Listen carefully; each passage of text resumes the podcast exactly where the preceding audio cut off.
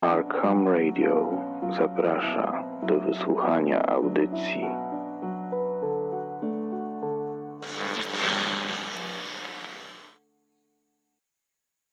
Nocny stróż. 23. Nie zamknął się siłownia. Co ja tu właściwie robię? Sztuczne światło ekranów w ciemnym pomieszczeniu wymusza skupienie wzroku i szatrzy mruganie. I tak już zmęczonych oczu. Jeszcze tylko godzina. Godzina i będę mógł się zdrzemnąć. Boga cisza do szóstej rano, aż nie przyjdą po klucze od spożywczaka. Praca ciecia, tfu.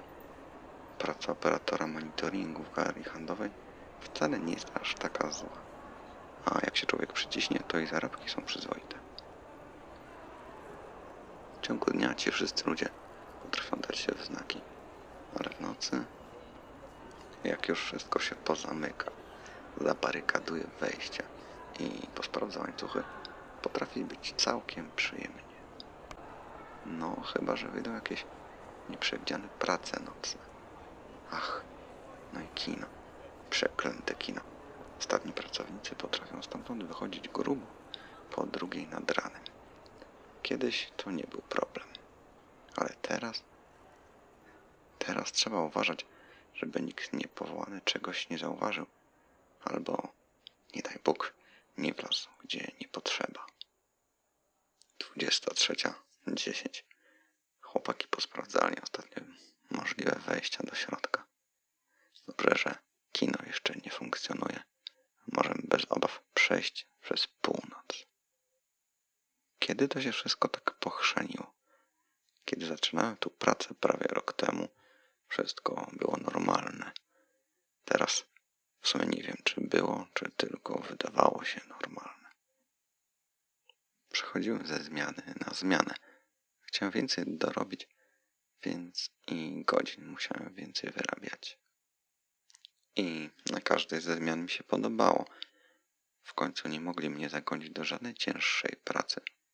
Z moim zdrowiem nie mogę ani dźwigać, ani nawet długo stać. Stanowisko operatora było dla mnie stworzone. 23.20 Trzeba umyć zęby przed snem.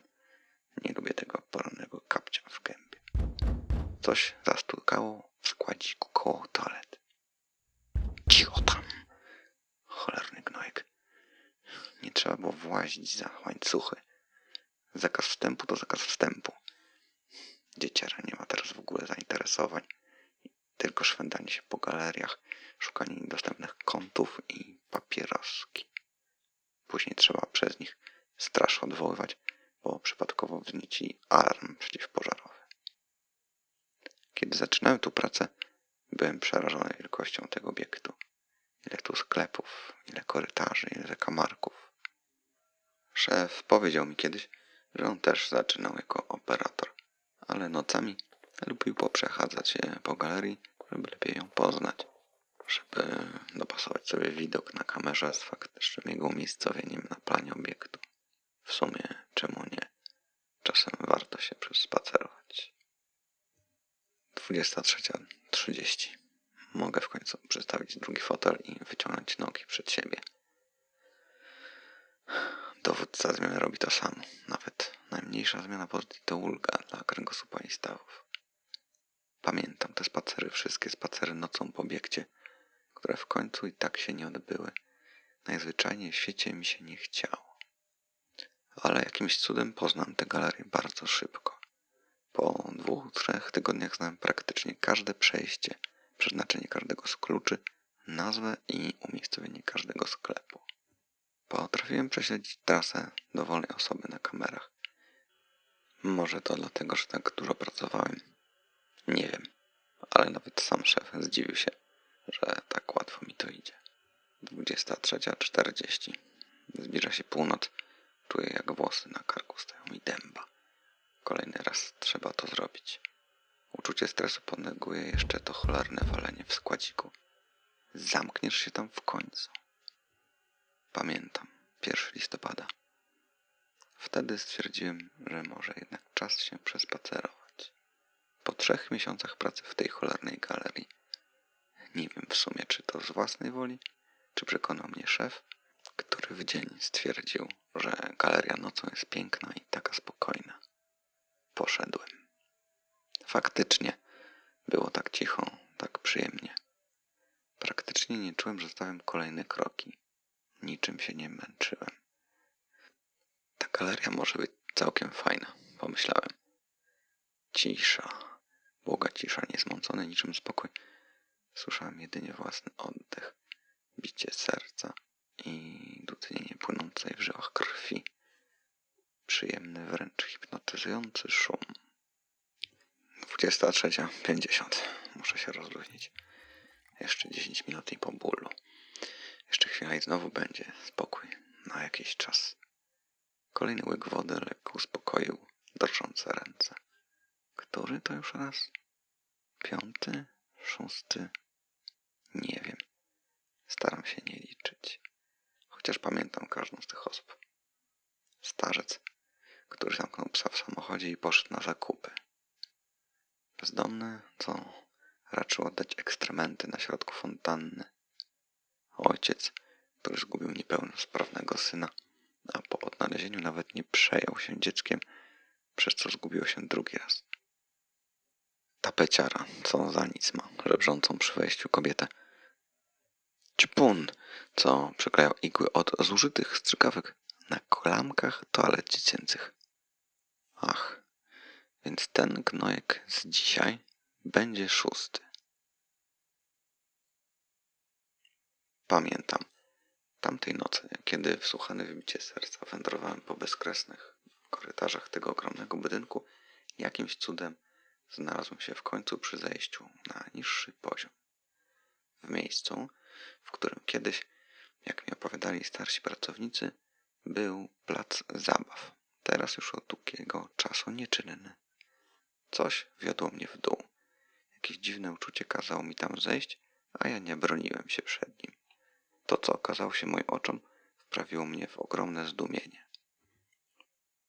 Pięć osób, wśród których rozpoznałem szefową sprzątaczek, dowódcę zmiany i swojego szefa, stało przy płotku od dawnego placu zabaw.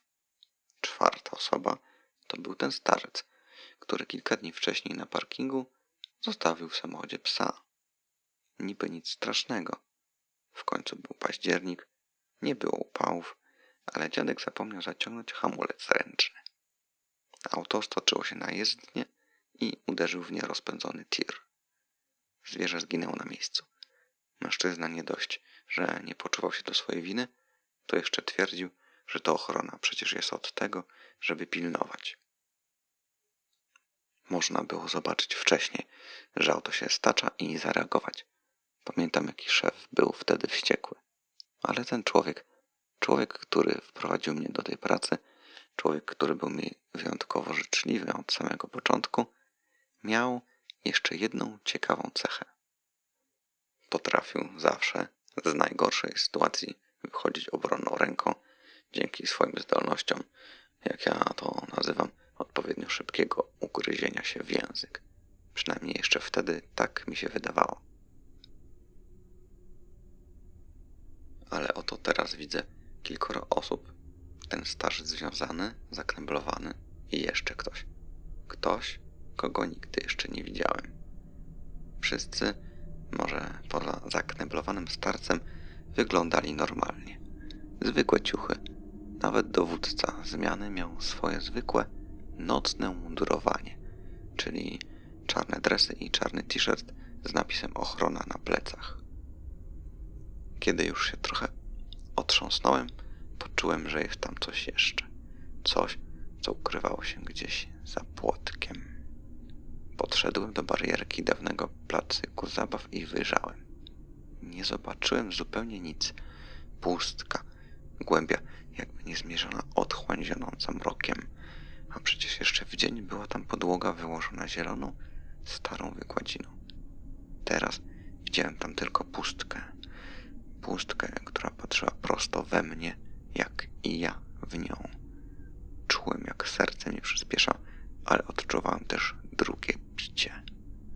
Wyrównane, spokojne, miarowe, wyraźnie, bez słów, odczułem polecenie uspokojenia się, co też uczyniłem.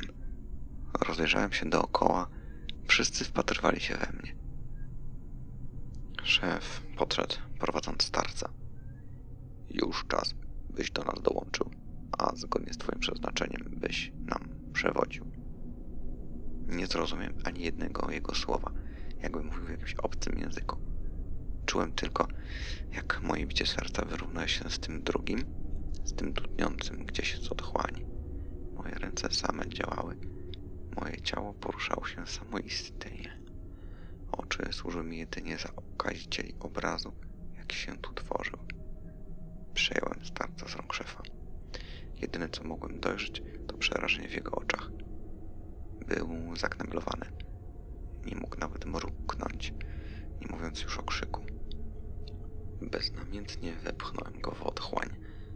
Poczułem wewnętrzną ekscytację, a zewnętrzne bicie serca delikatnie przyspieszyło. Usłyszałem tylko kilka oklasków z pleców. Wnet wszystko pociemniało. Obudził mnie stukot w okno. Spożywczaka po klucze. Myślałem wtedy, że to wszystko to jakiś chory sen. Ale kiedy szef powiedział, że jest dumny i że sam będę wiedział, kiedy kolejny raz, to wiedziałem, że to mi się nie uroiło. Dwudziesta czwarta. Północ. Czas wyciągnąć tego gnojka. Czas na spotkanie. Nie patrz tak na mnie. Trzeba było przechodzić za łańcuchy.